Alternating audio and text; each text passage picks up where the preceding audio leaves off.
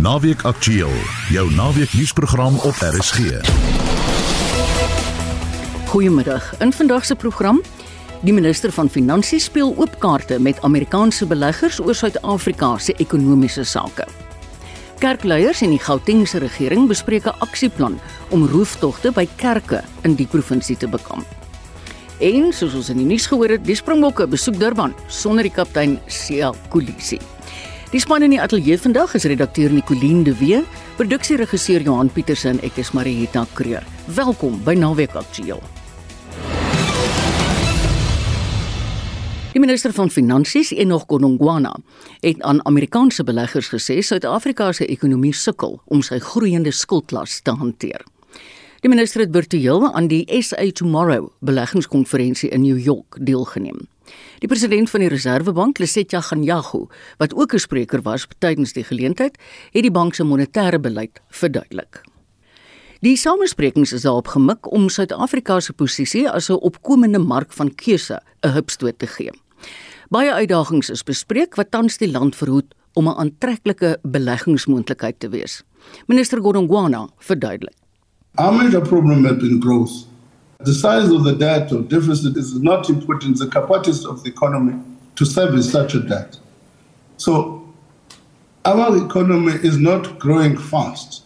You can see between what we have said in, in our budget, if you see a slide which deals with the both growth and interest differentials. Growth is going a different way, interests are going in a different way, which suggests that the capacity of the economy to service the growing debt service cost is becoming a challenge. So we've got to contain that. But we need, to, on the other hand, to achieve growth.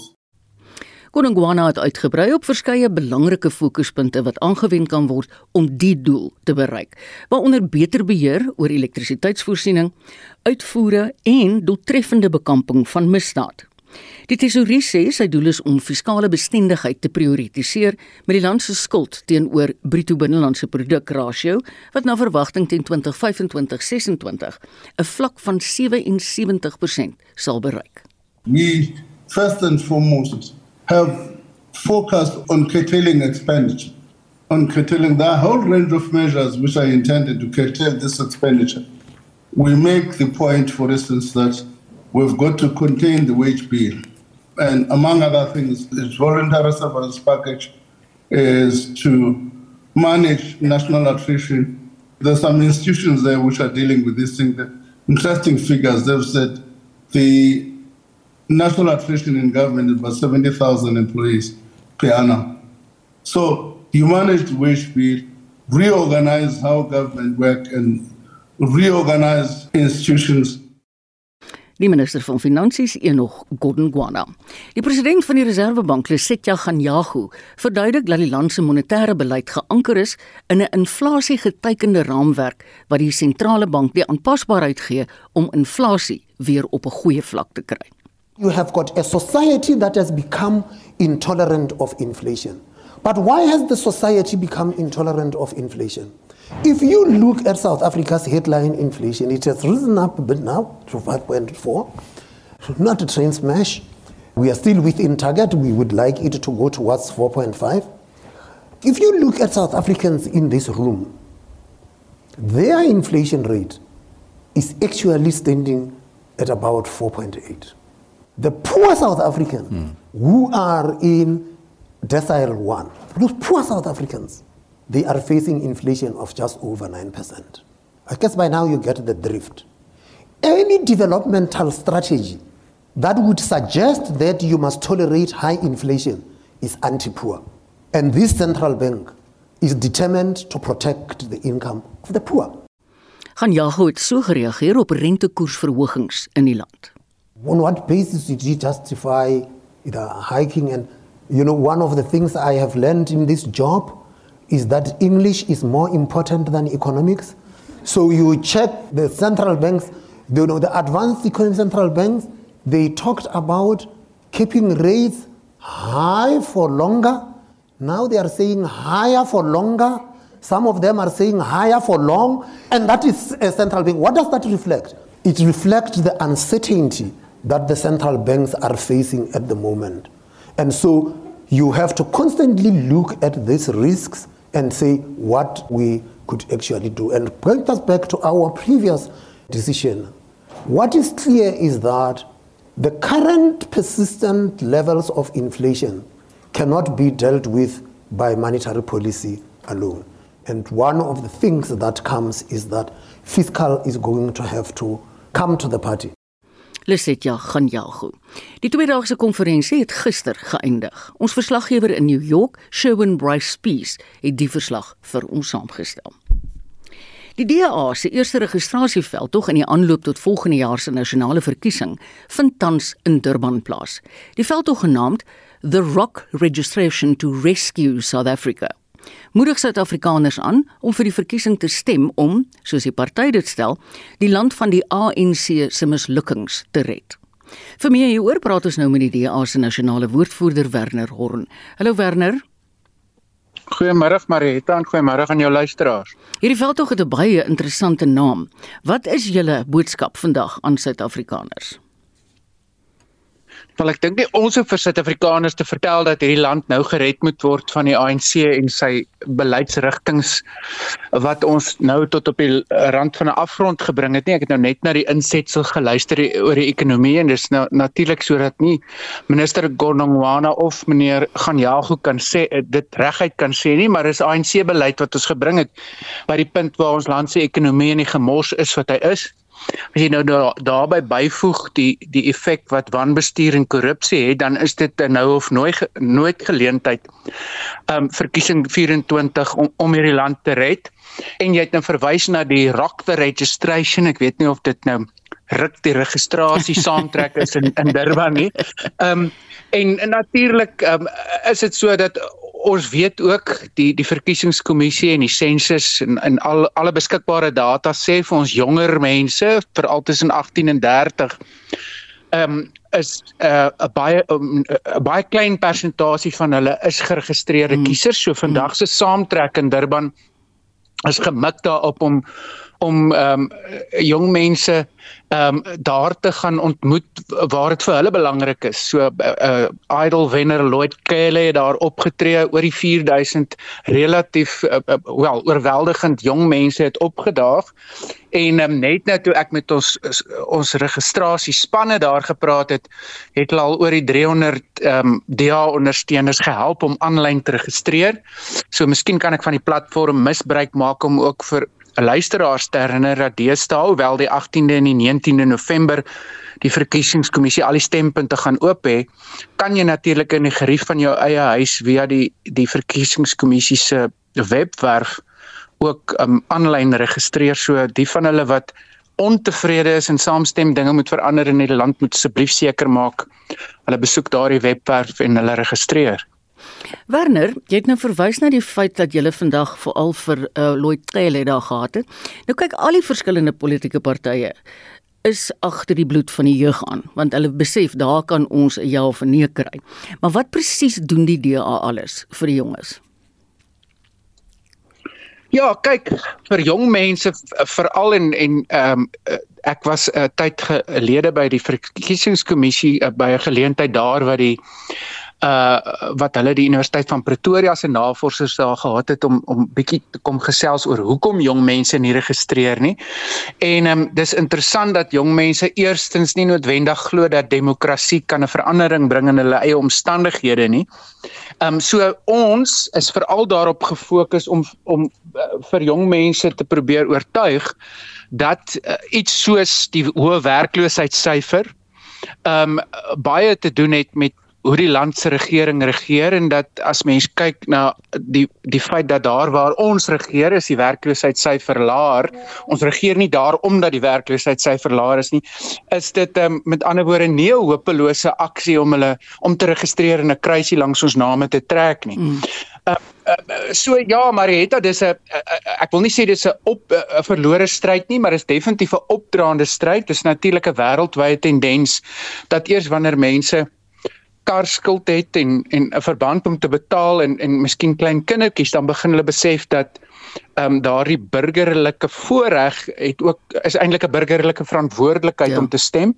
En ehm um, ja, jy weet miskien kan ek dan nou ook as jy vra wat die DA doen ook van hierdie geleentheid gebruik maak om vir Afrikaanse jong mense te sê moenie dink dat ehm um, almal saam se stemme nie 'n verskil kan maak nie. So as jy nog ongeregistreer is, voeg die daad by die woord.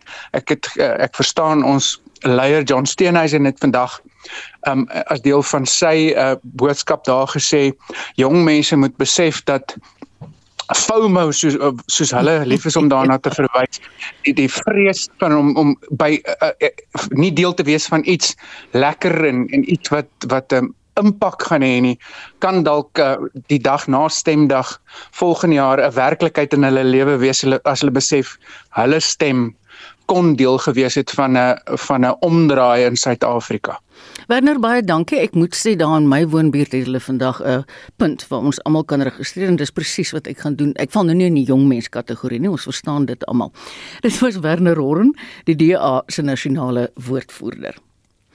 Die gebruik van kontant kan binnekort deur kaart en elektroniese betalings in Gauteng se kerke vervang word weens 'n vlaag rooftogte by verskillende plekke van aanbidding. 'n Pastoor van Newlands in Johannesburg, Dwayne Gordon, het onlangs tydens 'n rooftog by 'n kerk in die woonbuurt gesterf. Die week is belangrike besluite oor die kwessie geneem tydens 'n vergadering tussen kerkleiers en die Gautengse LUR vir gemeenskapsveiligheid, Faith Mazibuko. Anmanay Eckart het meer. Die Gautengse polisie was verlede maand op die spoor van 6 verdagtes na die skietdood van Pastor Gordon by die Eagles Christian Center in Newlands, Johannesburg. Gordon was 'n besoekende predikant tydens die kerkdiens. Drie gemeentelede is in die voorval beseer nadat die aanvallers by die kerk ingestorm en op kerkgangers begin skiet het. Verskeie voorstelle is die week tydens die vergadering tussen die kerkleiers en LER Mazibuko gemaak. Sy verduidelik. All of us we agree that we need to deal with this scourge of crime that is now terrorizing the churches. So I believe all of us we agree on that.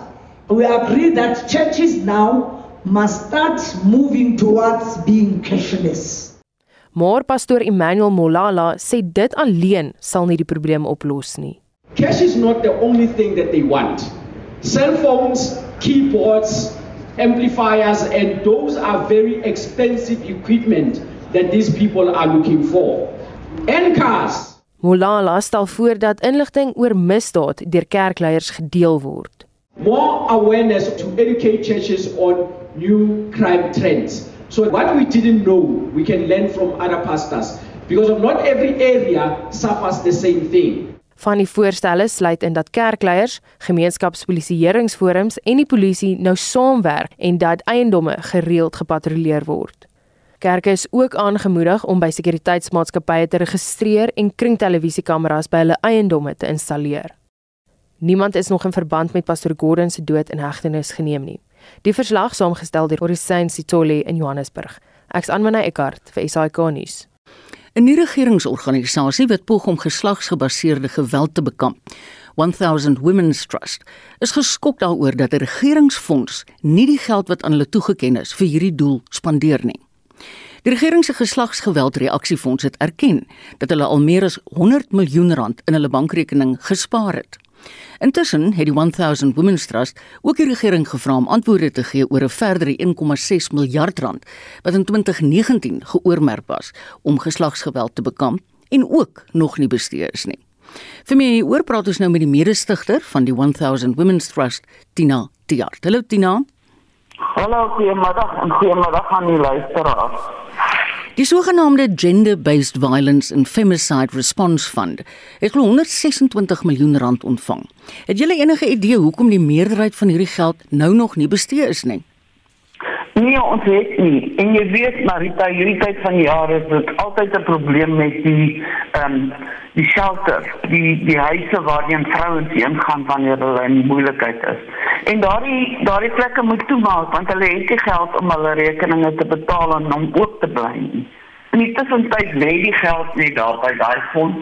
Hulle het glad nie in 20 ehm um, 23 eers geroep vir mense om aan te doen vir geld nie. Intussen kry hulle groot salarisse. Die nou mense staan verstom want ek bedoel is dit primêre rol van hierdie reaksiefonds nie juis om sulke huise van veiligheid te skep nie. Dis korrek. En hulle het befonds, regte befonds. Die regering het daai fonds geskenk en wie weet wat gebeur het is dat baie van die mense wat baie van die maatskappye wat geld vir die huise gegee het en vir die, die regeringsorganisasies gegee het, het hulle geld vir daai fonds gegee. So wanneer jy hulle vra dan sê hulle ons het ons geld vir daai fonds gegee. So baie baie baie organisasies het nie geld nie. En dan is dit nou 16 dae van aktivisme. Hmm. Jy weet wat gebeur gedurende 16 dae. Die vroue praat, die vroue wil uit. Ons bemoedig hulle en waarheen nou? Waarheen nou? Die fonds wat in 2019 op die been gebring is, het vyf fokusareas in gedagte gehad. Vertel ons 'n bietjie meer daarvan. Ja, wel een van dit is die befondsing van huise en dan die die sterk maak van nie regeringsorganisasies op die grond wat daardie uh werk doen. Jy weet in baie gemeenskappe is daar nie 'n huis nie. In baie gemeenskappe is dit die gewone vroue wat uitreik na mekaar en mekaar help. Jy weet ons het al gedeel hoeveel ons het so 7000 vroue in klein gemeenskappe wat daardie werk doen, maar nie een van hulle kan geld kry nou nie. Uh, en en dan natuurlik die ander was om bewusmaking te skep. Maar wat hmm. het hulle gedoen? Hulle het vir die president uh, weer uh, verlede jaar Desember 'n groot uh, byeenkoms gereël in Johannesburg. Dis ons nou nie waaroor dit gaan nie. Dit gaan mos nie oor 'n konferensie in Johannesburg nie. Dit gaan oor hierdie mense wat op die grondvlak hierdie werk moet doen.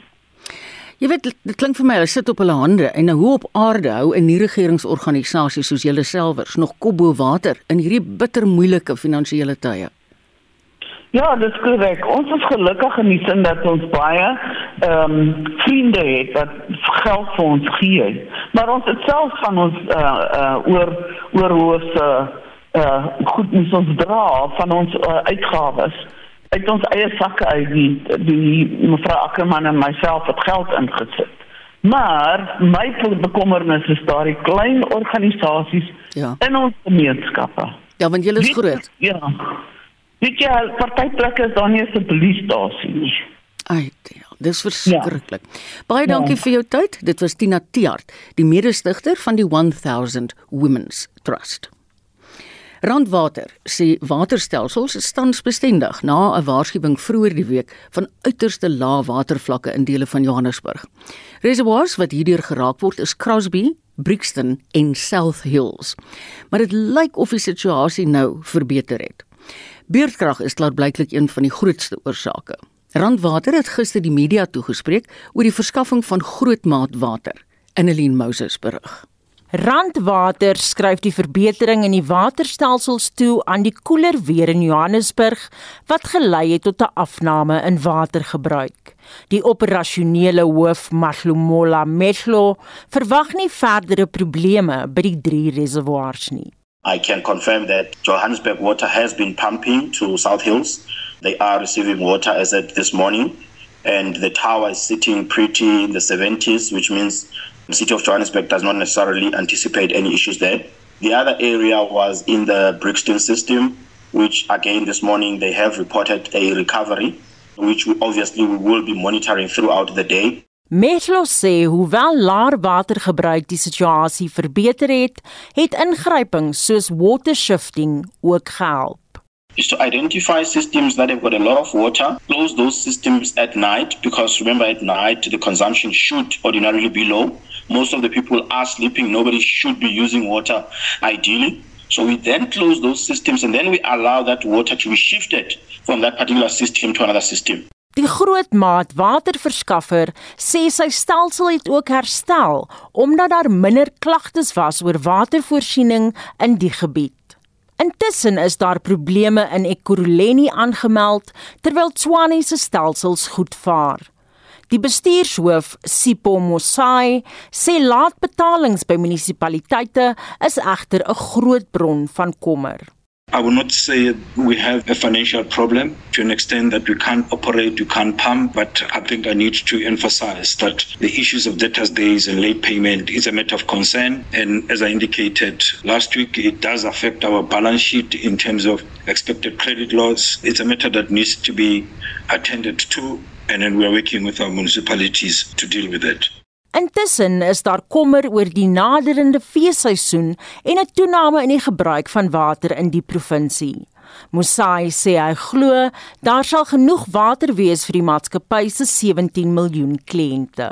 We'll be happy if we can store more water at the levels of 60% storage so that when we get into summer, if the consumption shoots what we are able to put into the system, the maximum that you can put, and that consumption is even more than the water that we store in the system, you'll have a challenge. At any summer is not a new thing, but we have seen with hotter and drier conditions that the consumption this summer and the consumption the other summer with the population growth is a lot more. And then we are chasing it. And I believe that the water that we're putting in the system is sufficient. Randwater sê bevolkingsgroei is 'n uitdaging veral in informele nedersettings waar gebruikers nie gemeterde water gebruik. Die verslag is saamgestel deur Pumzile Mlangeni en ek is Annelien Moses vir SAK nuus is ingeskakel op Naweek Aktueel dis 25 minute oor 12. Die voorsitter van die Akademie vir Wetenskap in Suid-Afrika, oftewel ASAF, professor Jonathan Jansen, is nou ook formeel as 'n lid van die Amerikaanse Akademie vir Kuns en Wetenskap ingehuldig. Jansen se boek Corrupted: A Study of Chronic Dysfunction in South African Universities het vroeër hierdie jaar verskyn. Jansen het aan Anne Marie Jansen van Vuren verduidelik wat dit beteken om uitgenooi te word na die Amerikaanse Akademie. Jy word genomineer deur 'n bestaande lid van die akademie. Jy weet nooit eintlik wie die persoon is wat vir jou genomineer het nie. En dan stel hulle jou nominasie voor aan al die lede van die akademie, hulle stem en as die meerderheid van hulle voel jy sal 'n goeie lid wees van die akademie, dan kry jy 'n mooi briefie van die president en so en so voort. Is daar enige spesifieke planne wat u dalk het om Suid-Afrikaanse akademie en wetenskap te bevorder deur hierdie netwerk? Kyk, dit werk nie soos 'n universiteit nie, jy weet. Tensy jy jouself beskikbaar maak vir 'n komitee om saam te dink oor 'n probleem soos klimaatsverandering, AI en sulke goed. So dis eintlik net om jou te eer om te sê dankie vir jou akademiese bydrae tot die samelewing. Nou daar's verskillende kategorieë. Daar's ouens wat genomineer word bloot op grond van hulle navorsing in die laboratorium of so iets. En dan is daar ook ouens soos myself wat erken word vir akademiese leierskap. Ja, so ek was saam byvoorbeeld die president van Harvard University en die hoof van die City University of New York. En so ons was in daai kategorie saamgepak En ek neem aan deel van daardie akademiese leierskap wat u verskaf is die toekomstige professorsprogram wat u gestig het en waarvan u ook die leier is van die Stellenbosch fase daarvan. Kan u dalk bietjie vir die luisteraars vertel wat is die toekomstige professorsprogram en hoekom het u gedink is dit belangrik om so 'n tipe program op die been te bring? Ja, jy weet toe ek my PhD gekry het en teruggekom het Suid-Afrika toe, was daar nie 'n program of 'n mens of iets wat vir jou gesê het, man, dit is hoe jy eintlik 'n professor word. Nee, daar was so iets nie. Toe ek by Tikkies kom eerstens as dekaan en later by Koffsies te besef het, hier is 'n uh, geleentheid om die slimste ouens in jou universiteit bymekaar te bring en te sê man, ons gaan nou vir jou wys hoe jy 'n professor word. Wat is die soort publikasies wat hoe gee jy onderrig as 'n professor, nie net as 'n dosent. Wanneer en hoe doen jy aansoek vir 'n gradering met die nasionale navorsingsstigting? Almal hierdie tipe goed is eintlik nie beskikbaar in 'n pakket vir 'n jong akademiese aanstelling nie en veral vir die ouens wat alreeds wys dat daar's meer geen been, daar's iets om aan te werk. En toe het ek dit begin as rektor by Koffsies en toe sê die minister van onderwys destyds en hulle die Pandor sê man, wil jy nie hierdie ding vir die land doen nie, vir al 26 openbare instellings. So ons kies baie noukeurig twee of drie persone per universiteit en soms geen persoon van 'n bepaalde universiteit nie, maar die ouens wat al reeds goeie navorsing gedoen het. Ons sê vir jou, ons gaan jou wys hoe om te gaan van byvoorbeeld 'n senior dosent oor na 'n professor toe. Een daarvan is om die persoon te plaas in die top laboratorium in die wêreld in seminare en so aan met 'n wêreldleier in die veld. En dan bring ons hulle terug en dit is iets wat ek saam met ander mense doen en dit gee vir my 'n vreeslike genot om te sien hoe jong mense topprofessore in hulle bepaalde dissiplines. Ek neem aan dit is ook om 'n tipe mentor te wees vir mense wat die leiers gaan word van die universiteite eendag wat dan moontlik kan dien as 'n tipe teenvoeter vir die korrupsie waaroor u geskryf het in die mees onlangse boek oor wanbeseding in universiteite. Was daar enigiets wat u geskok het tydens daardie navorsingsproses wat prof regtig nie verwag het? om te sien nie. Ja, wie ek is 'n tradisionele akademikus. So as ek dink oor 'n universiteit dan dink ek oor 'n plek wat nie eintlik vatbaar is vir die soort van korrupsie wat jy sien in die staatsinstellings. Jy dink universiteit is 'n plek van ons moet ons hoër onderwys. Jy lei jong mense op om leiers te word. Maar tot my skok het ek in die navorsing vir daai boek gesien hoe alledaags die korrupsie is in baie van ons universiteite en hoe dit so ver gevorder het in van hierdie plekke dat as jy nie steel nie, as jy nie korrup is nie, dan dink mense as met jou iets verkeerd. en ek probeer in fynere details in daai boek uiteen te sit, nie net wat gebeur in ons universiteite nie, maar waarom dit gebeur en derdens wat ons kan doen om dit op te los. En soos jy nou net gesuggereer het, is dit korrek een van die groot dinge wat jy kan doen, kies die regte leiers uit die staatskool. En jy het seker gelees oor hierdie aanklike geslag oor Universiteit Kaapstad UCT. Dis presies dit.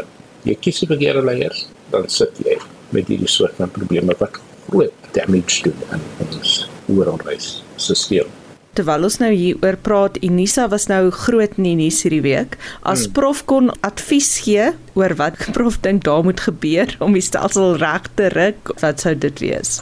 Ag, dit is baie maklik eintlik. Ek het nou elke verslag wat geskryf is oor Unisa gelees van die taalspan tot die assessors se verslag en so.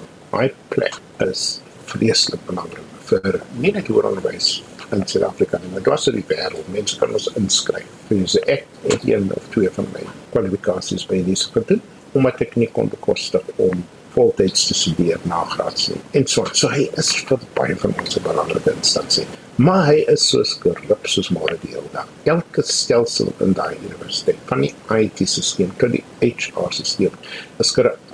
En wanneer jy daai stadium bereik, dan is die minister in hierdie geval korrek om te sê ek gaan 'n administrateur aanstel net om dinge reg te regeer en so aan.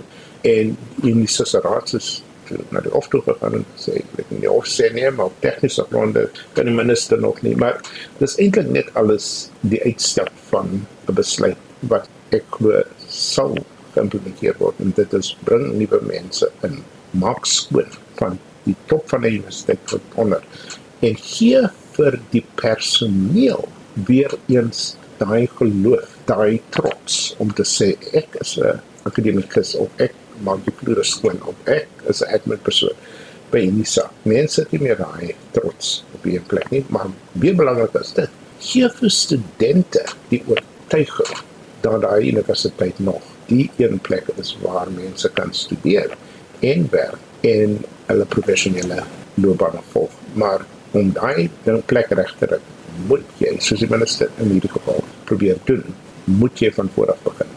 'n Restart nie, soos jy doen met jou rekenaar. Jy weet die reboot. Hulle het 'n reboot nodig. En dit vereis administrasie. Die stem van professor Jonathan Jansen. Hy is 'n uh, professor in opvoedkunde aan die Universiteit Stellenbosch. Ja, soos hy nou verwys na Unisa, dit was eens die hoogs aangeskrewe een vir afstandonderrig in die wêreld, nie net in Suid-Afrika nie.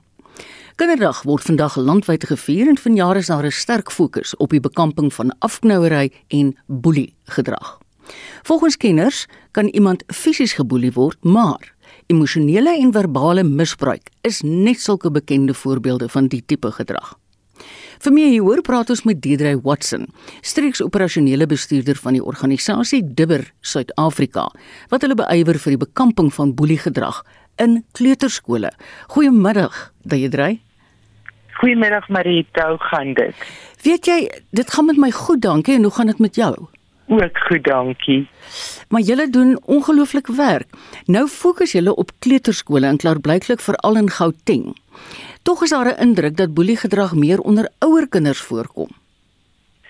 Marita, ja, ek dink dit is 'n wan indruk wat mense het want boelie gedrag is nie net by ouer ouer kinders nie. Dit kom al so vroeg as in die voorskoolse fase voor en ek dink 'n groot aandeel daartoe is die ongesonde sosiale omstandighede wat ons kinders deesdae aan blootgestel is. Ja, want ek dink in so 'n uh, klaskamer kom hulle uit alle sfere en dan is dit waarskynlik 'n probleem. Hoe groot deedry is hierdie probleem in ons land? Um, maar het in ons land is dit ongelukkig 'n baie hartseer werklikheid en as 'n ou na statistieke kyk dan kan jy sien dat meer as 3 miljoen kinders jaarliks in Suid-Afrika aan boeliegedrag blootgestel word.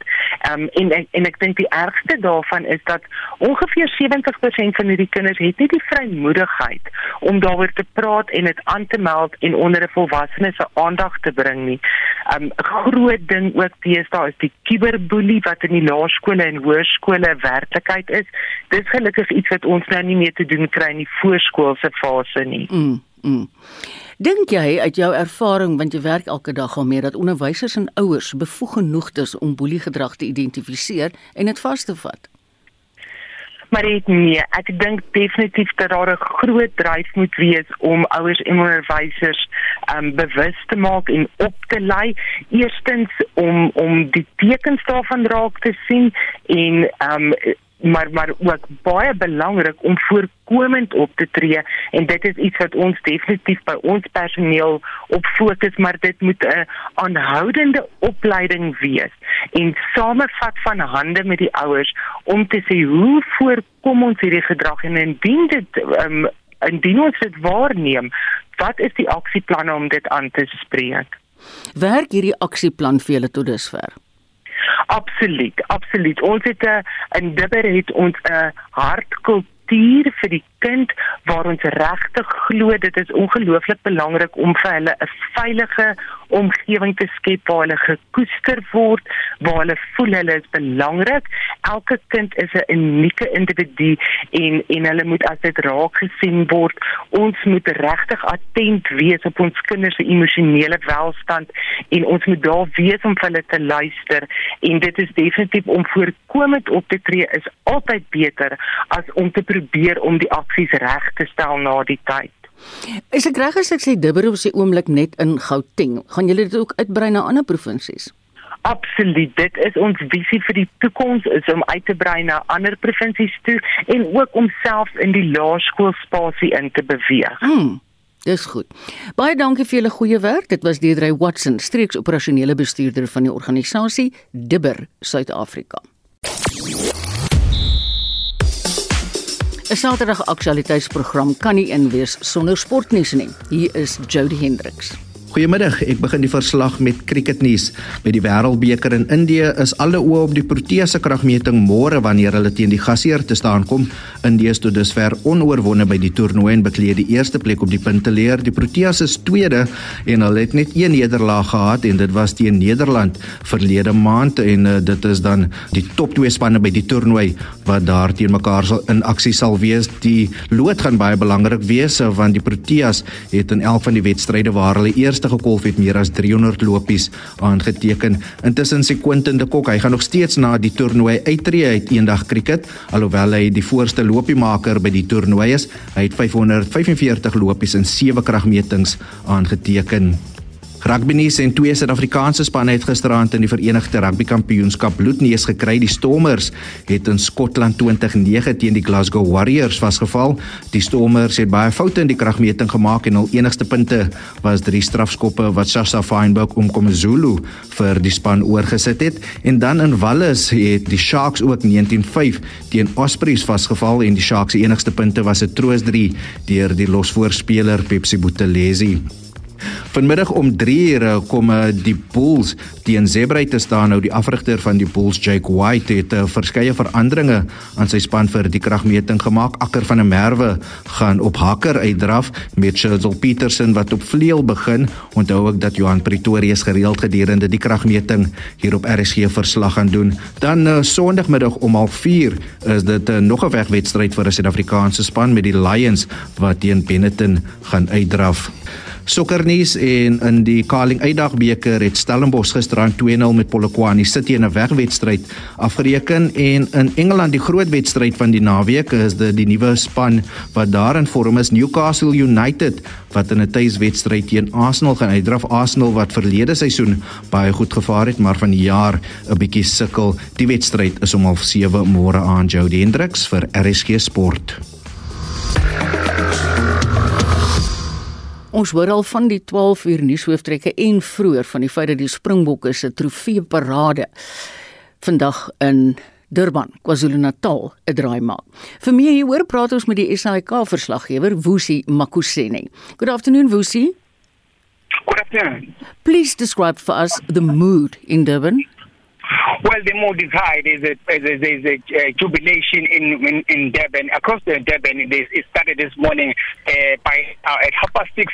Already people were lined up at the, at the wow. hotel in Mhlanga where uh, the Springboks were going to be arriving uh, there. But later on, we saw thousands and thousands of people who turned up to at Mhlanga to welcome the Springboks as they started their uh, they started their way uh, maybe of, of going around the, uh, Devon uh, following the, the, the, the victory uh, of the rugby team. But now they are in Guamashu Township, oh. one of the big, uh, the big towns in, in Devon, where they are going around Devon, and then they will later on go to the city of Devon. You know, every city they visit, one can see the enthusiasm and the joy in the people who is attending. Did you speak to some of the supporters in Durban? Well, we spoke to some to to the, some of the supporters in Durban. You know what people are saying? They're saying that uh, the national team, the rugby national team, has brought South Africans together. Yes. They think that um, they can see the diversity now in the in in in, in um, among the people of South Africa because as uh, they celebrate, they're celebrating together as South Africans, uh, regardless of what uh, uh religion or or, or, or color of yes. their skin. They're saying mm. that uh, this must be done done across all our national team where everyone supports the nation, our national team. I'm so glad that you can be there and you can attend. Dit was die SAK se verslaggewer Woesie Makusini in Durban. In ons weeklikse moedrubriek toets Wessel Pretorius 2 bakkies.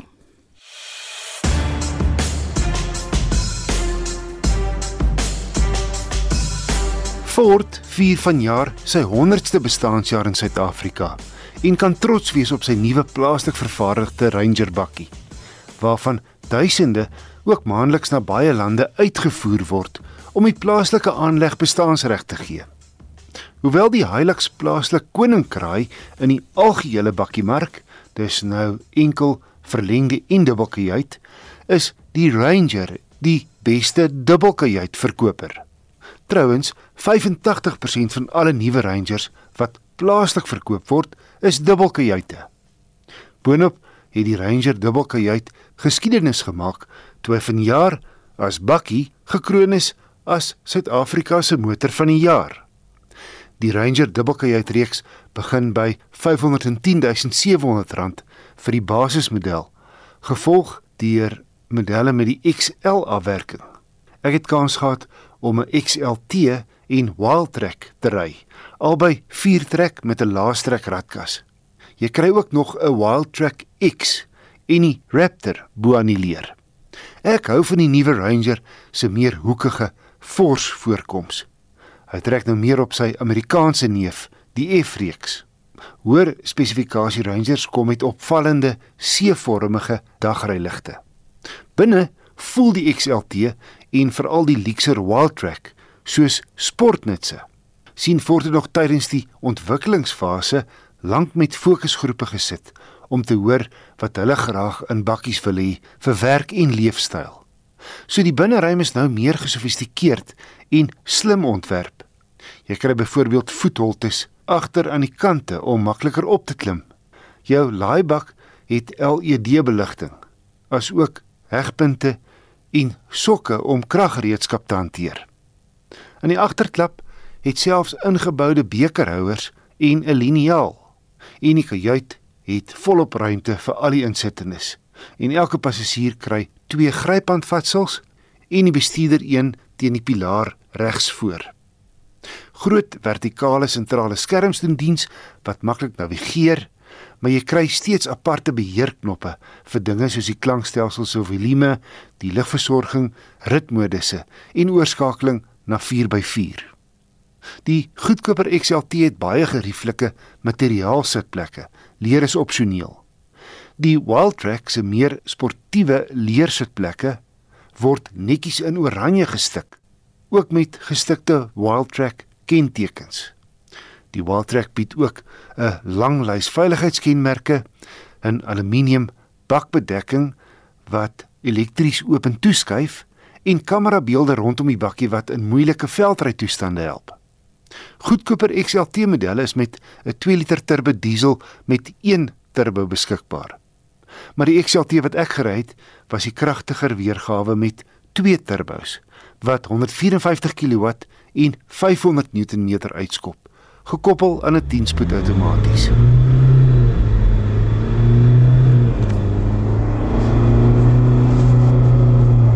Kaarttydskrif het 0 na 100 in 'n lewendige 8,7 sekondes afgelê. Die verbruik op 'n stad en ooppadroete was 'n uitstekende 8,6 liter per 100 km. Aangehelp deur 'n lang 10de rat met die toere onder 1800 teen 120 km/h. Wat sin maak want dis ook die toerepunt waar sy maksimum wringkrag begin.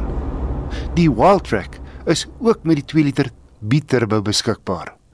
Maar hy kom ook met die nuwe V6 3 liter turbo diesel wat 184 kW en 600 Nm lewer. 'n Lieflike masjien met volle verbysteekkrag, maar die verbruik is eend hoër as die 2 liter, 10,4. Op die ooppad loop albei die Rangers tubestil. En die ritgehalte is eerste klas vir bakkies wat ook 'n ton vrag kan dra. My gevolgtrekking Ford se nuwe Ranger dubbelkajuitreeks is die gerieflikste leefstyl bakkies op die mark. Die Ranger XLT 4-trek dubbelkajuit 2 liter biturbo kos R833800 terwyl die Wildtrak 4-trek V6 3 liter jou net meer as 'n miljoen uit die sak jaag. Hou net in gedagte dat Ford nie meer diens en onderhoudplanne bied nie. Die is nou teen 'n bykomende bedrag beskikbaar. Jenning, dit klink soos 'n baie luukse sedan en dan sit 'n bakkie. Bouwerk aan die 4 miljard rand se klein William Dam in die Wes-Kaap vorder goed. Daar word verwag dat die dam in die Cederberg munisipaliteit teen voltooiing 'n kapasiteit van 343 miljoen kubieke liter sal hê. Dit hou tans 123 kubieke liter water. Die minister van water en sanitasie, Senzo Mqunu, het pas 'n oorsigbesoek aan die streek afgesluit. Estie de Klerk berig. Die regering het nog nie aangekondig wanneer bouwerk aan die dam voltooi sal wees nie, maar volgens die departement van water en sanitasie sal hy aan sy mandaat voldoen. Minister Mqunu verduidelik. Two years ago, we came here to see what were the reasons of collapse, wara wara. We committed to resuscitating. We then started processes, each aspect, and then um, we're here today because, according to reports from officials, dust and mud here. So I wanted to come here, see for myself that indeed dust and mud. Now, as you hear yourself, all of us are here. There are machines uh, on all sides. Work has started in clearly in, in Clan Williams Dam. Honestly. Die projek is al deur verskeie probleme vertraag, waaronder swak bestuur en striwelinge onder aandeelhouers. Mqunu sê al die probleme is nou opgelos. There were uh, different uh, reasons why this delay uh, got experienced. One, it was less than uh, efficient uh, management, and uh, we have since uh, done away with that. We have a new DG here from January this year. We have a, a different management system altogether. You may as well, I may as well inform you that. Uh, This is not the only job that we've done here. We're just demonstrating that we're at another level now. Die Cederberg munisipaliteit sê die projek kan werkloosheid in die streek help bekamp. Die uitvoerende burgemeester, Dr Ruben Richards. The significance of this upgrade project is that it creates jobs, it creates opportunities for the creation of a better life for the residents of my municipality. I'm, I'm, interested in nothing else other than how this project is going to benefit the residents of my municipality. Now, that's a bit narrow, it's a bit limited, but that's really the focus of the municipality. We are thrilled that this infrastructure is, is being enhanced in our area. Volgens die Wes-Kaapse regering kan 70 000 werksgeleenthede in die volgende dekade deur die projek geskep word.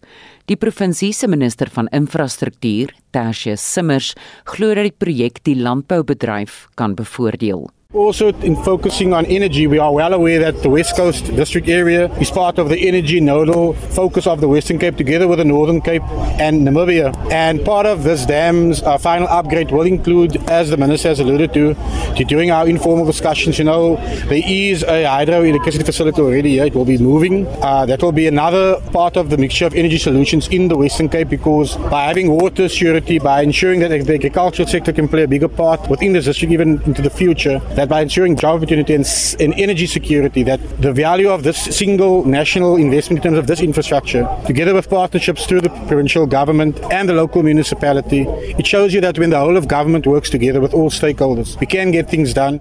Luidens die departement is watervoorsiening die afgelope ruk in die Matsikama munisipaliteit, Vredenburg en van Reinsdorp verbeter.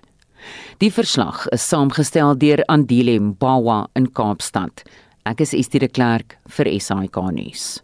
Ek dink gereelde luisteraars sal al agtergekom het Johannesburgers sukkel regtig met water. 'n Telefoongesprek begin gewoonlik dat die mense jou vra, "Het julle vandag water?" Nou hierdie week het Johannesburg Water 'n media-konferensie gehou oor wisselvallige watervoorsiening in van die stad se woonbuurte. Die maatskappy sê beurtkrag is daar blyklik van die grootste uitdagings. Weer Anne Marie Johannesburg Water sê van hulle opgaartanks en watertorings in die stad se vlakke is op 'n kritieke laagtepunt. Dit sluit in die Crosby en Brixton reservoirs, Brixton Toring, Hursthill 1 en 2, Southhill en Alexander Park. Die gebiede wat waarskynlik lae waterdruk sal ervaar of wie se krane sal opdroog, sluit in Hursthill, Crosby, Auckland Park, Savannah Town, Coronationville, Linmeyer, Southhewel, Oakdene, Rosettenville, Klipriviersberg landgoed, Kentington, Jeppystown Suid en omliggende gebiede. Johannesburg Water se waarnemende bedryfshoof, Logan Munsami, sê hulle sal water tankwaans beskikbaar stel. In order for these reservoirs to perform at a nominal rate and to have acceptable levels, we need at least 2,500 cubic meters an hour passing through the meter. Currently, the average flow coming through the meter is just below 2,100 cubic meters an hour, meaning those reservoir systems are critically low. As of this morning, the Crosby Reservoir was bypassed for uh, cleaning purposes to ensure water quality compliance. The Brixton Reservoir is currently at 21% this morning. It is low. The Brixton Tower is sitting at 28%, and the Herschel 1 and 2 reservoirs are sitting at 27 and 29% respectively. Munsami sê nog 'n noodmaatreël is dat hulle water toevoer aan die gebiede tussen 9uur saans en 4uur die oggend opskort. Currently, the normal average pressure, supply pressure into the South Hills would be between 4 and 6 bars. What we're averaging at the moment is roughly around 1.49 bars, resulting in poor inlet supplies to the pump station. We're unable to feed full volume into the tower zone at South Hills. The low-lying areas will experience poor pressures, albeit with some water, whereas the high-lying areas will experience no water conditions. The next system that is critical on the Joburg water side is the Alexander Park Reservoir System. Volgens Monsami is beerdkrag die grootste sondaar wat veroorsaak dat hulle verhoed word om behoorlike water te pomp en aan inwoners te verskaf. If we have consistent water supply into our reservoir systems, it means that the reservoirs stay full as often as possible. When the reservoirs are full, there's no interruption of supply. we purchase potable water from Ram Water. We store it in our reservoirs and we distribute it into the end users' taps. Having inconsistent supply has resulted in our reservoirs not reaching the full capacity. So what happens is they become critically low to empty. And in order to recover these reservoirs, it takes sometimes days or weeks to recover them. And when there is load shedding or interruption of supply, it hinders our ability to distribute water to the end user. Intussen staan die watervlakke van die Allen Manor Reservoir en die Naturina Reservoir albei op 80%. Hierdie opgaartings word deur die Eagle Nest Reservoir voorsien. Die verslag van Prabashni Moodley en ek is Anne Marie Jansen van Vuren vir SAK nuus. Daar was heelwat hoogtepunte in die sport en ander gebiede die afgelope week, maar een van hulle was die Ierse groep Westlife wat die harte van Suid-Afrikaners vroeër die week gesteel het. Toe hulle tydens 'n opvoering in Kaapstad in Springbok truie op die verhoog verskyn het. Die groep is tans besig met hulle The Wild Dreams toer en het voor 'n volgepakte Grand West Arena by die Grand West Casino in Kaapstad opgetree. Onthou daar's die lopende cricketverslag môre deur Willem Pelser op RSG van die Proteas se wedstryd teen Indië. Geniet die res van jou naweek in die geselskap van RSG en ek groet namens Nicoline de Wee, Johan Pieterse en myselfers Marieta Kreer.